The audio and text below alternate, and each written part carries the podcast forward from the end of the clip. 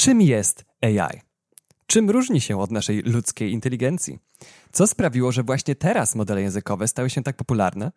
Do jakich zadań te modele się doskonale nadają, a przy jakich zastosowaniach lepiej zachować ostrożność? W tym odcinku Tech Chatter Damian Serwata, programista pracujący od lat nad projektami wykorzystującymi sztuczną inteligencję i Wojtek Sarnowski, doktor nauk matematycznych, pomogą nam usystematyzować naszą wiedzę o AI i odpowiedzieć na powyższe pytania. Cześć! Słuchasz drugiego sezonu podcastu Tech Chatter, audycji Gemini Polska, w której eksplorujemy świat technologii. Dołącz do rozmowy naszych ekspertów i ekspertek. Posłuchaj, co tworzymy tutaj, w Polsce. Odkryj z nami projekty, które kształtują przyszłość i przekonaj się, jak interesująca może być praca w sektorze IT. To co? Zaczynamy? No ciężko jest nie słyszeć dzisiaj o tej sztucznej inteligencji i mam wrażenie, że każdy rozumie to inaczej. Jakbyś mógł nam, Damian, dać taką podstawę, taką definicję, czym są te modele generatywnej sztucznej inteligencji? Myślę, że warto byłoby tutaj zacząć od zdefiniowania w ogóle tego terminu sztuczna inteligencja, który w takiej ogólnej wersji możemy rozumieć jako pewną dziedzinę rozwiązań starających się, czy też zaprogramowanych do symulowania wybranych procesów ludzkiej inteligencji, ludzkiego umysłu. I często ta nazwa jest używana też do opisu różnych zaawansowanych programów komputerowych, systemów komputerowych. Większość z tych rozwiązań w dzisiejszych czasach jest oparta o podejście uczenia maszynowego, czyli machine learning. To podejście tak naprawdę oparte jest o dostarczanie algorytmowi dużej liczby danych zawierających pewne wzorce, których to wzorców algorytm ma za zadanie się nauczyć i które ma za zadanie rozpoznać. I pod zbiorem tych rozwiązań, zarówno sztucznej inteligencji, jak i tego węższego grona algorytmów machine learning, są modele generatywne, których celem jest tak naprawdę, jak sama nazwa wskazuje, generowanie nowych treści na podstawie wcześniej przeanalizowanych danych i wydobytych wzorców. I te modele uczą się generować te nowe informacje, nową treść na zasadzie prawdopodobieństwa występowania pewnych wzorców, na zasadzie odkrywania pewnych statystycznych patternów, które w tych danych odnajdują. No i tutaj mamy tak naprawdę bardzo dużo różnych rozwiązań, które mogą tą generatywną AI reprezentować. To są zarówno modele, które generują tekst, generują zdjęcia, obrazy, mogą też generować audio. W konsekwencji jest to trudniejsze zadanie, ale również są podejmowane próby generowania wideo jako złożenie tych, tych, tych obrazów i audio oraz być może też trochę bardziej zaawansowane problemy, takie jak generowanie struktury białek. Tutaj bardzo popularnym rozwiązaniem, które zdobyło uznanie, jest przygotowane przez firmę DeepMind algorytm model AlphaFold. I ten boom na tę sztuczną inteligencję mam wrażenie, teraz jest tak powszechny i nagły. Ja sam byłem zaskoczony, że nagle z każdej strony, no strach otworzyć lodówkę, żeby nie, nie dowiedzieć się o jakichś nowych rozwiązaniach dotyczących AI. Czy to się pojawiło znikąd? Czemu akurat teraz? Jak, jak, co za tym stoi? Nie pojawiło się to znikąd oczywiście. Stoi za tym wiele, wiele lat ludzkiej pracy. Wydaje mi się, że można powiedzieć, iż takie początki sztucznej inteligencji to lata 50. XX wieku, gdzie przedstawiono koncepcję maszyny, która będzie w stanie naśladować e, ludzką inteligencję. Pojawiają się pierwsze sieci neuronowe, przykład tak zwany perceptron Rosenberata. Pierwsze te e, systemy bardziej opierały się na takich regułach decyzyjnych. Jeśli to, jeśli na wejściu dostaniemy sygnał X, to powinna być wybrana akcja Y. Dopiero nieco później pojawiają się rozwiązania, o których Damian wspomniał, czyli machine learning, e, uczenie maszynowe, to tak gdzieś powiedzmy lata 80. Wtedy też e, rozwijają się nieco mocniej sieci neuronowe, pojawia się algorytm e, propagacji wstecznej, taki bardzo ważny, żeby móc te sieci dobrze uczyć. Dalszy krok to tak powiedziałbym gdzieś początek XXI wieku, gdy wraz z rewolucją cyfrową pojawiają się du bardzo duże wolumeny danych, rozwija się internet, tworzymy takie środowisko, które jest w stanie no, nam produkować rozwiązania w zakresie sztucznej inteligencji. Gdzieś na przełomie pierwszej i drugiej dekady myślę, że AI, sztuczna inteligencja wchodzi do mainstreamu, staje się taka powszechnie rozpoznawalna, znana. W tym momencie do gry wchodzą też tacy wielcy, wielcy gracze, jak Microsoft, jak Facebook czy, czy Google. Pojawiają się potężne inwestycje w takie rozwiązania w zakresie na przykład przetwarzania języka naturalnego, w zakresie rozpoznawania obrazu, tak zwanego reinforcement learningu na przykład, lub też systemów rekomendacyjnych.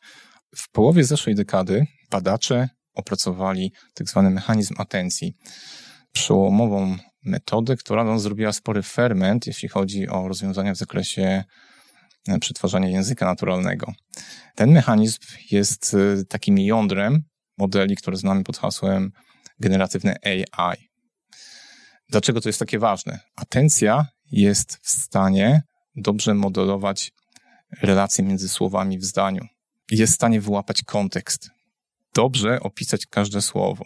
Dobrym przykładem może, mogą być homonimy. Na przykład słowo zamek może mieć wiele znaczeń. Dla ludzi, jeżeli wypowiemy pewne zdania, będzie jasne, o jakim kontekście mowa. Dla algorytmów nie jest to takie proste, jak się okazuje. Atencja została w taki spektakularny sposób wykorzystana w modelach zwane transformery. I to jest właściwie taki prawdziwy przełom. Wszystkie te modele, między innymi e, słynny chat GPT, wykorzystują architekturę, która została zaproponowana w transformerze. Jądrem transformera jest wspomniana przeze mnie atencja. Myślę, że do tego, co wspomniał Wojtek, y, warto by było dodać jeszcze, że ta architektura Transformera to nie jest jedyna architektura zaproponowana w ostatnich latach w tej szerokiej gamie rozwiązań modeli generatywnych. Pierwsza z takich architektur zaproponowana została architektura GAN, czyli Generative Adversarial Network. I Jan Goodfellow, który przygotował to rozwiązanie, jest to ciekawa anegdota. Wpadł na to w trakcie imprezy z kolegami w barze. Powiedział im o swoim pomyśle. Oni powiedzieli mu, że no jeśli jest taki mądry, to niech spróbuje to zrobić.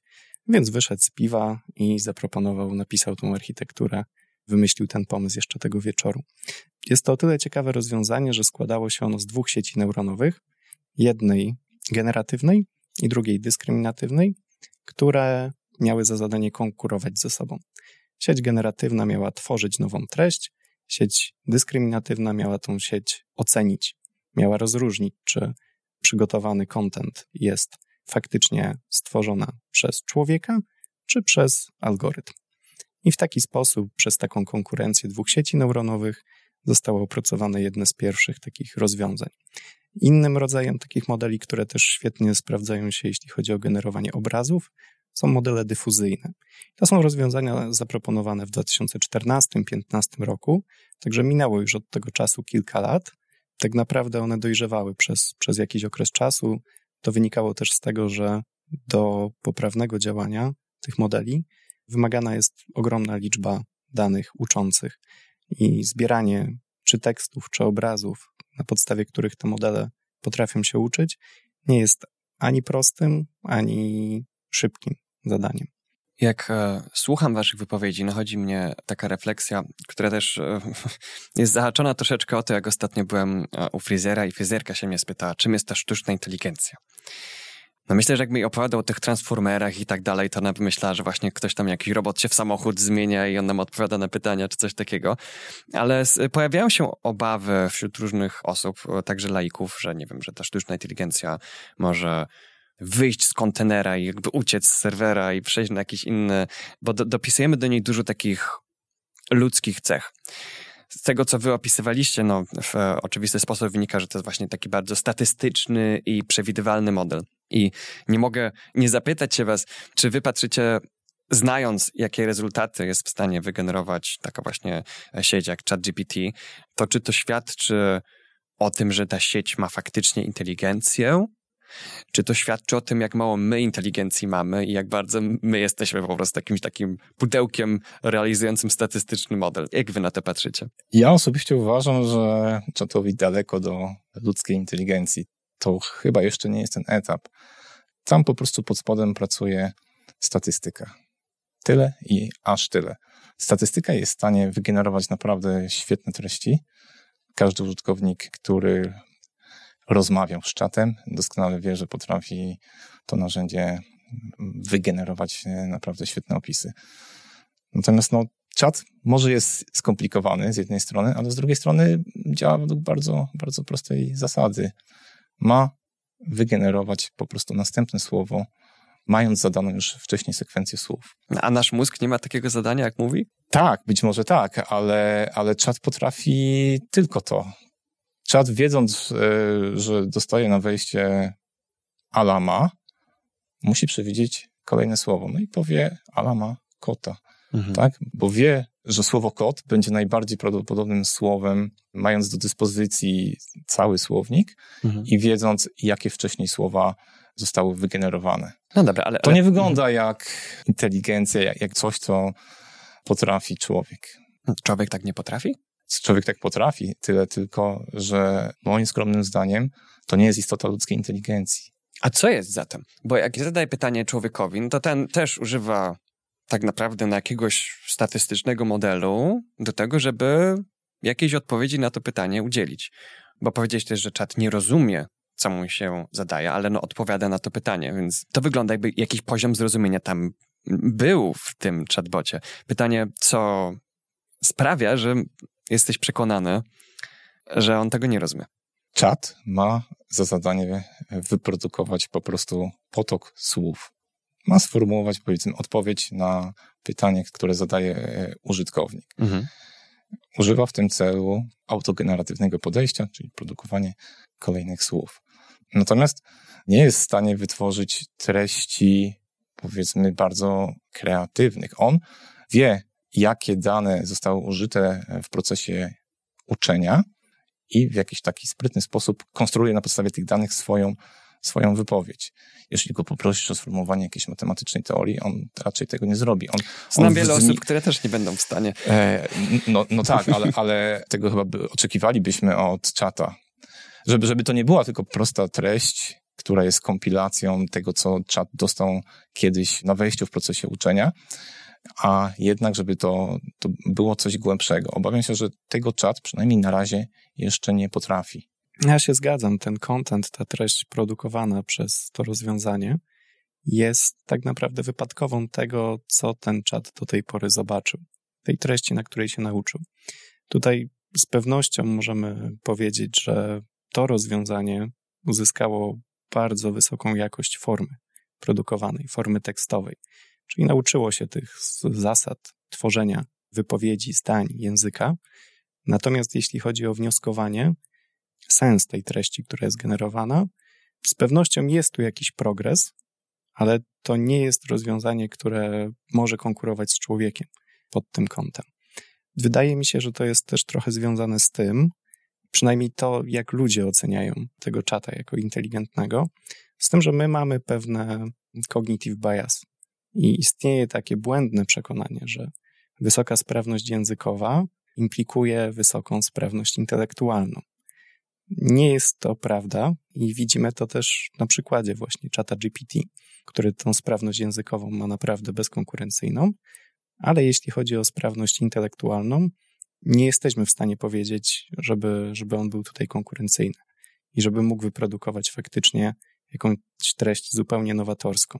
Jest to po prostu sprytne połączenie tego, co już kiedyś zobaczył. Warto też wspomnieć, że ze względu na architekturę tego, w jaki sposób to rozwiązanie było przygotowane, było później uczone, ten czat został dostosowany do tego, żeby był. Żeby potrafił wchodzić w interakcję z użytkownikiem, żeby, żeby był w stanie odpowiadać na, na pytania, tak? Żeby podążał za intencją użytkownika, mhm. żeby nie generował na przykład treści, które są toksyczne. Co nie zawsze się udaje. Nie zawsze się udaje, tak, to prawda, tak, ale gdyby nie e, pewna dodatkowa technika, która doucza, że tak powiem, ten model, o którym Damian miał chyba na myśli, bez tego byłoby chyba znacznie gorzej. My tak wpadliśmy trochę w pułapkę w mówieniu chat GPT, chat, chat, chat, chat, chat, ale to nie jest jedyny model. To, to jest taki skrót myślowy, my teraz mówimy, jak często jak nawet ludzie mówią chat GPT, to mają na myśli wiele różnych technologii.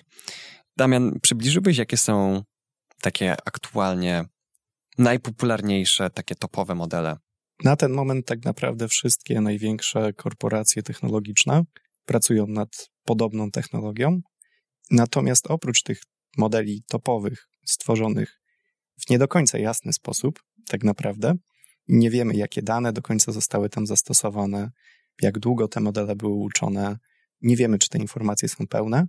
I to są te modele należące do OpenAI, czyli poniekąd do Microsoftu, który dotuje tą organizację. BART należący do Google, czy Lama należąca do Facebooka, do Mety. Jest też dużo rozwiązań open source, które oferują jakość zbliżoną do tych rozwiązań gigantów technologicznych. Ja bardzo długo myślałem, że GPT jest open source'owe z uwagi na OpenAI, ale chyba nie jest otwarty z tego, co Cóż, rozumiem. To jest to tyle ciekawe, że samo OpenAI było tworzone jako właśnie organizacja, która miała tworzyć oprogramowanie open source, otwarte, dostępne dla wszystkich. Natomiast z takich czy innych przyczyn w pewnym momencie te rozwiązania zostały zamknięte za ścianą. I już model GPT-2 nie był dostępny publicznie. Można było się do niego dostać po zarequestowaniu odpowiedniego dostępu, uzasadnieniu tego i można było wchodzić z nim w interakcję. Natomiast ten model GPT 3,5 z tym interfejsem ChatGPT został udostępniony faktycznie, no i wywołał cały ten boom technologiczny dotyczący tych dużych modeli językowych, z którym mamy dzisiaj do czynienia. GPT-4, który teraz też jest podpięty pod ChatGPT, jest już też za ścianą. Czyli wiemy, że ChatGPT nie jest świadomy, nie ma takiej inteligencji jak człowiek, że to jest taki model statystyczny, który generuje sobie, generuje sobie tekst, tylko że jest używany już coraz częściej w sytuacjach, w których wydawałoby się, że ta świadomość, inteligencja byłyby bardzo przydatna. Jest na przykład e, używany przez niektórych prawników w kontekście różnych rozpraw sądowych i jest takie wrażenie, taki mit, że no skoro to komputer robi, to znaczy, że jest totalnie wyzbyty wszelkiej stronniczości, jaką człowiek mógłby mieć. Więc możemy zanieść go do sądu, komputer powie i on nie będzie uprzedzony wobec oskarżonego i tak dalej, i tak dalej. Chciałbym, żebyście troszeczkę może opowiedzieli o tym. Byłoby wspaniale, gdyby była to prawda. Niestety jest taka podstawowa zasada modeli uczenia maszynowego, czyli garbage in, garbage out. To, na czym nauczymy nasz model, dokładnie tych wzorców ten model się wyuczy. To, co mu zaserwujemy na wejściu, tego będziemy mogli oczekiwać od tego modelu na wyjściu. Kiedy uczymy nasz model na danych tekstowych z całego internetu, tak naprawdę nie wiemy z jakiej części i z których części tego internetu możemy się spodziewać, że znajdą się w tym modelu i zostaną odzwierciedlone najróżniejsze wzorce, również te wzorce związane z pewnym biasem, z pewną stronniczością, które w tych tekstach się pojawiają. Takim przykładem błędnego rozumowania tych tekstów, wnioskowania, była odpowiedź tego modelu GPT-3 jeszcze na pytanie o to, co jest większe, karaluchy czy słonie. GPT-3 odpowiedział w pewnym momencie, że większe są karaluchy. Wynikało to z tego, że kiedy ludzie opisują karaluchy w treściach internetowych, zwykle piszą o tym, zobaczcie jaki wielki robak, mm, mm. jaki ogromny karaluch przyszedł do mnie do domu. Stąd ten kontekst tego słowa wskazywał temu modelowi na wzorzec świadczący o tym, że są to duże zwierzęta. No takich przykładów możemy mnożyć. My tak naprawdę ze względu na to, że korzystamy z tych modeli głębokich, my wiemy w jaki sposób one się uczą, nie wiemy, czego one się uczą tak naprawdę. Dlatego, że te wagi, które są przypisane tym połączeniom między neuronami w sieci neuronowej, nie reprezentują dla nas żadnej sensownej informacji. My nie programujemy takiego modelu, aby uczył się konkretnych cech, dajemy mu pewną, dajemy mu pewną swobodę. On sam wie, czego powinien się nauczyć, żeby móc realizować zadania, do których jest przewidziany.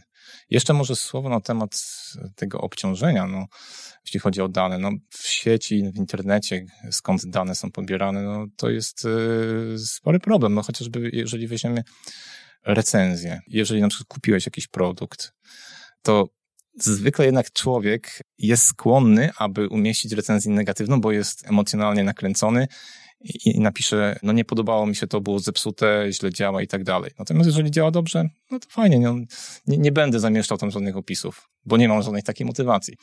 Stąd może też wynikać ta stronniczość, to niewyważenie danych. Przychodzi mi na myśl przykład takiego hipotetycznego modelu językowego, który jest uczony tylko i wyłącznie na odpowiedziach i pytaniach za Stack Overflow, gdzie jak ktoś nie zna odpowiedzi na pytanie, no to się nie przyznaje do tego, po prostu nie udziela odpowiedzi, tak samo jak z tymi recenzjami zakupionych przedmiotów. Więc taki model nie miałby gdzie się nauczyć, żeby się czasem przyznać, że czegoś nie wie. Czy, czy to może być e, także rodzaj ryzyka w e, tego typu modelach, gdzie zadajemy mu pytanie, odpowiedzi nie ma, ale on nie wie, że odpowiedzi nie ma, więc jakąś stworzy? Tak, jak najbardziej. To się nazywa halucynacja modelu. Hmm. Model hmm. nie wie, co powiedzieć, po prostu zmyśla zmyśla albo mówi część prawdy i to jest chyba jeszcze gorzej niż gdyby całkowicie zmyśla, bo wtedy chyba łatwo, łatwiej dojść do tego. Natomiast gdy jakaś tylko część prawdy jest podana, no to jest to bardziej zakamuflowane i jest większa trudność, aby takie coś rozpoznać. Ja osobiście, jak miałem interakcję z czatem, jak pracowałem z czatem, natknąłem się na taką sytuację. Zapytałem się go o pewne pojęcie z rachunku prawdopodobieństwa, żeby mi tam wyliczył pewną rzecz. Czat uraczył mnie długim wstępem teoretycznym, wszystko ładnie, pięknie, a na końcu przedstawił błędne rozwiązanie. I jeśli ktoś nie jest ekspertem w danej dziedzinie, może tego nie wychwycić. I to jest chyba spory problem. Przyjmujemy na słowo, że to, co czat wygenerował, jest poprawne. Tak może naprawdę nie być. Czy jesteśmy jakoś w stanie zapobiec halucynacjom? Czy jesteśmy w stanie dostosować jakoś proces uczenia, czy, czy jakikolwiek inny sposób przetwarzania jego danych wejściowych, żeby on nie halucynował, żeby trzymał się trzeźwo rzeczywistości? Prace w tym kierunku trwają, ale jak wiemy, no póki co nie mamy modeli, które by wyzbyłyby się tej wady. A czy e, twoja e, intuicja tak. ci podpowiada, że to jest możliwe, żebyśmy się kiedykolwiek tego pozbyli? Trudno powiedzieć. Na pewno powinno dać się to zjawisko dość mocno ograniczyć. Nie chciałbym spekulować, aczkolwiek wierzę, że, że tak, że jesteśmy w stanie to ograniczyć. No, czaty są e, uczone, aby to zjawisko ograniczyć, więc może jakaś tam korekta w sposobie uczenia spowoduje, że zminimalizujemy problem. Czyli rozumiem, że są rzeczy, które wymagają kreatywności, rozumienia kontekstu, do których czat GPT może przydać się z pewnym procentem skuteczności i trzeba podejść do tego z ryzykiem, i dla niektórych zadań to będzie większe lub mniejsze. Do jakich zadań modele językowe nadają się tak ad hoc, że możemy z dużą pewnością je do tego użyć i ryzyko nie będzie duże, że narażą nas na jakąś wtopę? Dziedzina związana z e, analizą języka naturalnego, czyli NLP, definiuje dość spory zestaw podzadań tego NLP, które może być realizowane przez te modele. Do tej pory to wyglądało tak, że dla każdego z tych zadań były projektowane osobne rozwiązania. One często miały podobną budowę, opierały się o zbliżony background, natomiast były uczone w inny sposób, na innych danych. Inny był cel tego uczenia.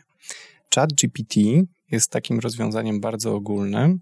Jak się okazuje, część z tych problemów potrafi rozwiązać w zbliżony sposób do tych e, rozwiązań state of the art, które były zaproponowane wcześniej. Natomiast raczej ta zbliżona skuteczność dotyczy tych prostszych zadań, natomiast w tych trudniejszych zadaniach, jak na przykład rozpoznawanie emocji, nie radzi sobie tak dobrze i ten dystans w skuteczności jest dość spory. Tutaj ciekawe badanie zaproponowała grupa badaczy z Politechniki Wrocławskiej, która przetestowała chat GPT na zestawie 25 takich klasycznych zadań NLP i wygenerowała tam blisko 50 tysięcy promptów, pytając czat o wygenerowanie odpowiedzi dla konkretnego przykładu, takiego benchmarku dla zadań.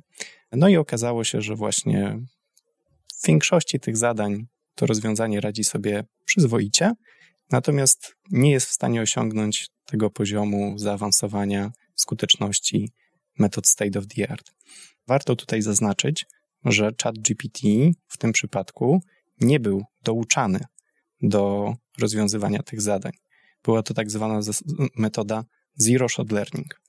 W przypadku, kiedy możemy spersonalizować czata, dostosować go, douczyć, nawet na niewielu przykładach, do rozwiązywania konkretnego zadania, ta skuteczność możemy przewidywać byłaby wyższa. Tutaj jest na przykład model Palm Google'a. Jest wersja tego modelu specjalnie przeznaczona pod y, problemy medyczne. Model nazywa się MedPalm i jest w stanie zdać egzamin, który gdzieś tam ma miejsce w Stanach Zjednoczonych, no na takim poziomie dosyć eksperckim. Może ten model właściwie stawiać diagnozę. Widziałem prezentację szefów Google'a, gdzie model dostaje na wejściu zdjęcie rentgenowskie ręki, ludzkiej ręki i przedstawia diagnozę.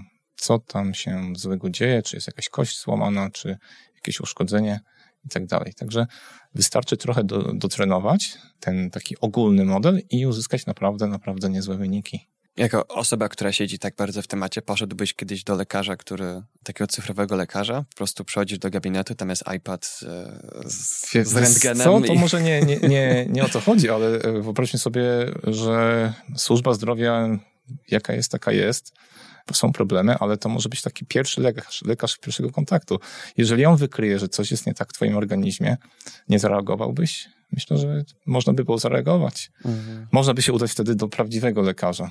Pamiętajmy też, że większość tych rozwiązań wykorzystujących te zaawansowane modele, nie tylko generatywne, ale generalnie modele sztucznej inteligencji, nie musi się opierać na pełnej automatyzacji. Najsensowniejszym rozwiązaniem jest zwykle wsparcie ekspertów w jakimś początkowym tak procesie.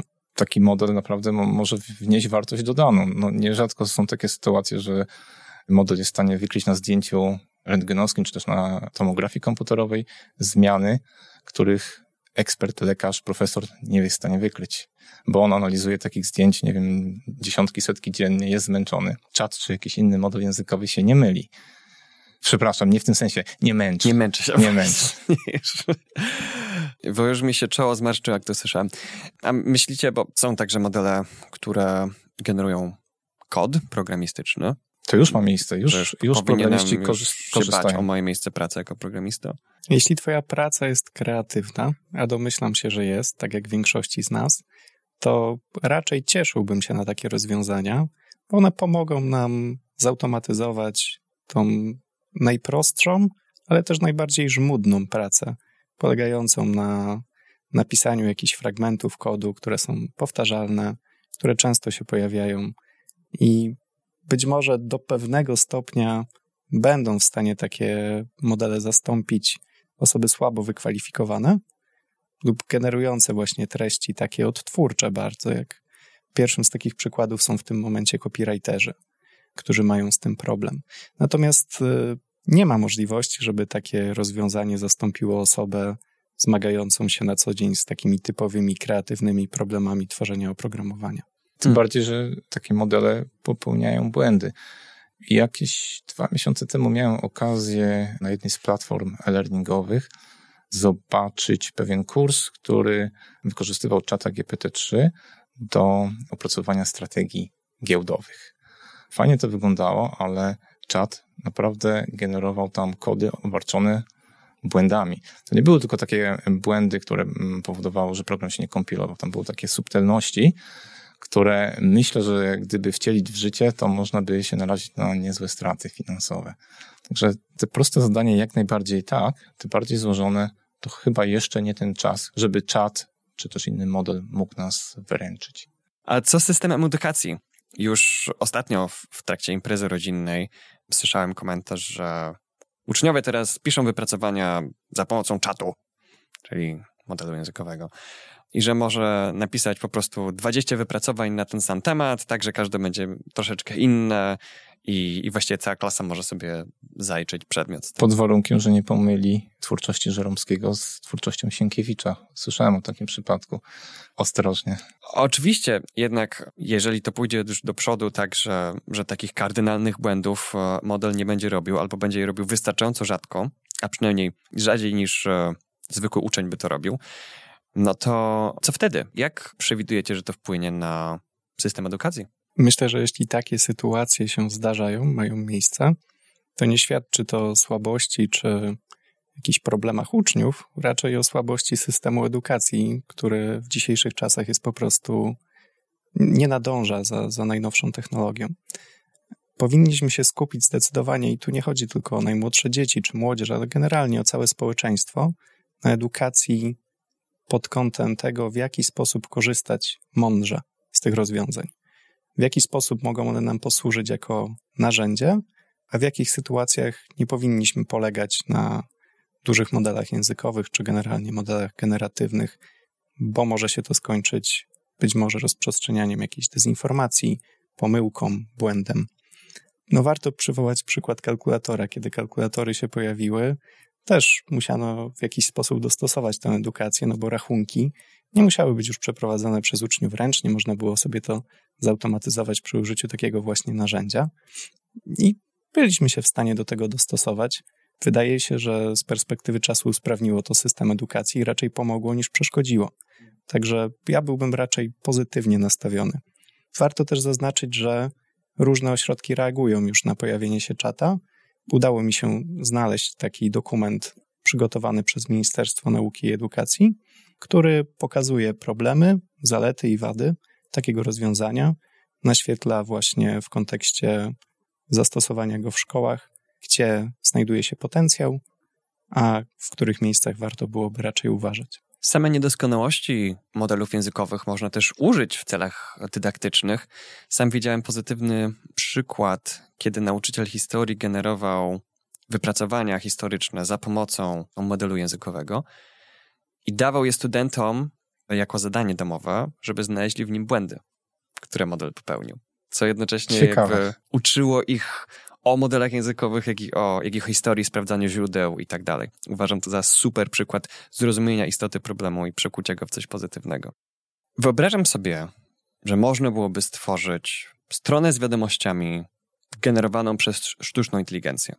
Bez żadnego zaznaczenia, że te treści nie są pisane przez człowieka, że nie są sprawdzane, chociaż sądząc po jakości współczesnego dziennikarstwa, często one też nie są w tych różnych portalach bogatych w reklamy, ale jest mi łatwo wyobrazić sobie wiele negatywnych konsekwencji, zwłaszcza jeżeli chodzi o szerzenie fake newsów, czy na przykład pisanie targetowanych reklam pod y, te tysiące różnych segmentów marketingowych, tak żeby jak najskuteczniej dotrzeć do kogoś i wpłynąć na wynik wyborów.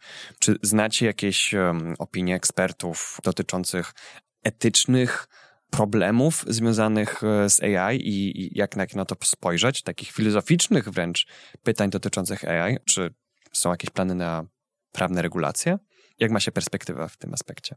Tutaj jest tak naprawdę kwestia wielu stron, które są zaangażowane w, w jakiś sposób w tą całą sytuację.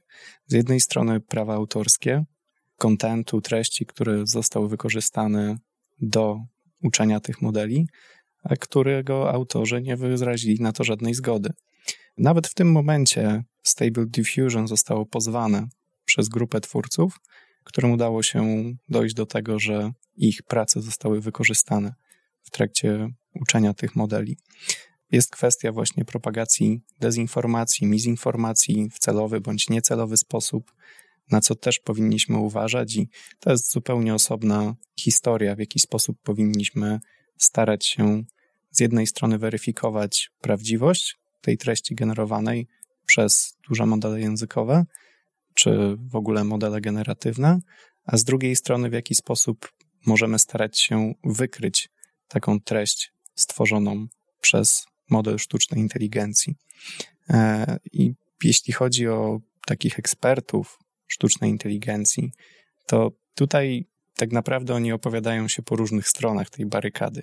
Z jednej strony mamy takie osoby jak Jan LeCun czy Andrew Ng, którzy zauważają raczej te pozytywne aspekty wpływu tej nowej technologii, która raczej według nich nie powinna stwarzać dla nas jakiegoś egzystencjalnego zagrożenia. Raczej nie skończy się dla nas źle, wręcz przeciwnie, może pomóc nam walczyć z tymi zagrożeniami, które są dla nas rzeczywiste tak jak kolejna pandemia, czy być może sterowanie społeczeństwem przez rozprzestrzenianie jakichś fałszywych informacji. Ale mamy też osoby takie jak Geoffrey Hinton, który jest odpowiedzialny za stworzenie algorytmu propagacji wstecznej, czyli tego algorytmu uczenia sieci neuronowych, czy Joshua Bengio. I oni twierdzą, że warto byłoby jednak przyjrzeć się tym rozwiązaniom i bardzo uważnie weryfikować zastosowania, do których przeznaczamy modele generatywne, bo nie do końca jesteśmy w stanie sterować tym, czego te modele się uczą. A jak się mają regulacje prawne dotyczące sztucznej inteligencji? No to jest temat y, ciekawy. Trwają intensywne dyskusje na temat modeli językowych pod, y, w aspekcie prawnym. Tutaj chyba największy postęp y, ma miejsce w Unii Europejskiej. Właśnie niedawno, bodajże 14 czerwca, Parlament Europejski przyjął rozporządzenie dotyczące modeli związanych ze sztuczną inteligencją. Jest to chyba taki pierwszy akt na świecie, ile mi wiadomo. Unia Europejska zamierza wprowadzić regulacje związane z modelami sztucznej inteligencji. Powstał tak zwany akt AI i tam wprowadzone zostają kategorie ryzyka związane z modelami. Mamy na przykład ryzyko umiarkowane, mamy ryzyko niedopuszczalne. Przykładowo w kategorii ryzyka umiarkowanego znalazły się modele, które potrafią generować tak zwane deepfake'i. Z drugiej strony w kategorii niedopuszczalnej mamy modele, które dokonują tak zwanej predykcji kryminalnej lub też zajmują się rozpoznawaniem twarzy w miejscach publicznych w czasie rzeczywistym. Unia robi wyraźne kroki e, w kierunku regulacji tego rynku. Modele sztucznej inteligencji no, muszą stać się bardziej transparentne, przynajmniej na rynku e, europejskim. Jeżeli e, publikowane są pewne treści i ma to miejsce przy użyciu sztucznej inteligencji, takie treści będą musiały być oznaczone. Użytkownik musi wiedzieć, że to zostało wygenerowane przez sztuczną inteligencję. Kiedy to wchodzi w życie? Prawo wejdzie w roku 26. 26, oj. Tak. To jeszcze dużo nadużyć e, tak, można tak. do tego czasu wykonać, ale to jest unikalne jakby rozwiązanie przełomowe, że ktoś bierze się za jakoś tak, prawne... Tak, tak. To zdaje się, że jest tak pierwszy taki poważny akt e, na, na świecie, natomiast wcześniej miały już pewne zdarzenia, które no, też sugerują, że coś musi się e, stać z tym tematem.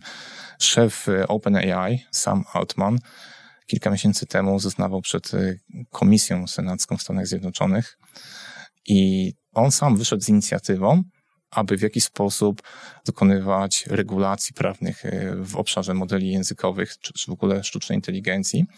No i jedną z takich propozycji jest, aby powstał taki swoisty urząd, który będzie wydawał licencję modelom jeżeli model jest odpowiednio duży, bo oczywiście nie chodzi tu o wszystkie modele, byłoby to bezsensowne. Natomiast jeśli chodzi o takie modele typu GPT, to tak, taki model musiałby mieć licencję, więc musiałby przejść szereg testów, musiałby przejść pewne audyty i dopiero wtedy, jako taki pełnoprawny produkt, mógłby zostać wypuszczony na rynek. No, mój wewnętrzny cynik od razu podpowiada, że to jest właśnie bardzo amerykański model. Wejść na nieregulowany rynek, stworzyć produkt, zmonopolizować go, a potem za pomocą regulacji utrudnić każdemu innemu wejście.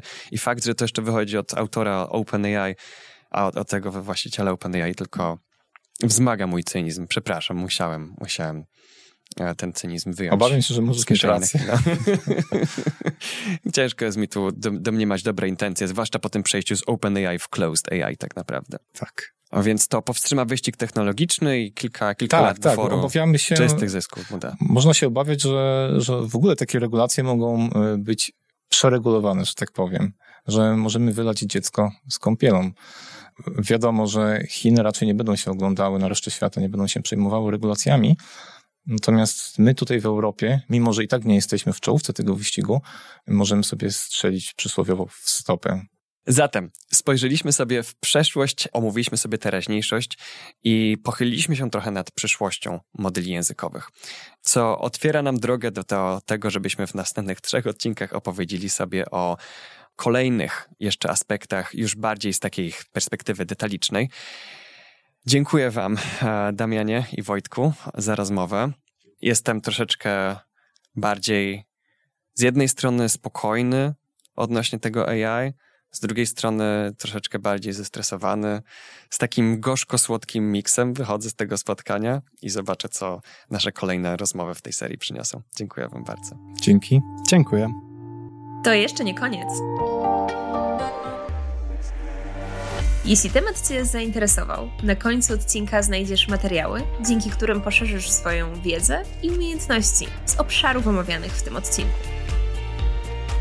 A w międzyczasie, żeby nie przegapić kolejnych odcinków, zasubskrybuj podcast Tech Chatter w swojej ulubionej aplikacji do słuchania podcastów. Jeśli ten odcinek Ci się spodobał, daj nam o tym znać, wystawiając ocenę w Apple Podcasts lub Spotify. Linki do tych serwisów oraz do zagadnień wspomnianych w odcinku znajdziesz w jego opisie. A teraz czas na polecane materiały. Jeśli dzisiejsza rozmowa Cię zainteresowała i chciałbyś, chciałabyś zagłębić się bardziej w ten temat, eksperci z Capgemini polecają Twojej uwadze dodatkowe materiały, do których linki znajdziesz w opisie do tego odcinka. Znajdziesz tam kompletny kurs ChatGPT na Udemy, film opisujący jak trenowany jest model ChatGPT, dyskusję na temat zagrożeń ze strony sztucznej inteligencji w oczach czołowych ekspertów w tej dziedzinie. Oraz szczegółowe, aktualizowane na bieżąco kalendarium wydarzeń związanych z generatywną sztuczną inteligencją.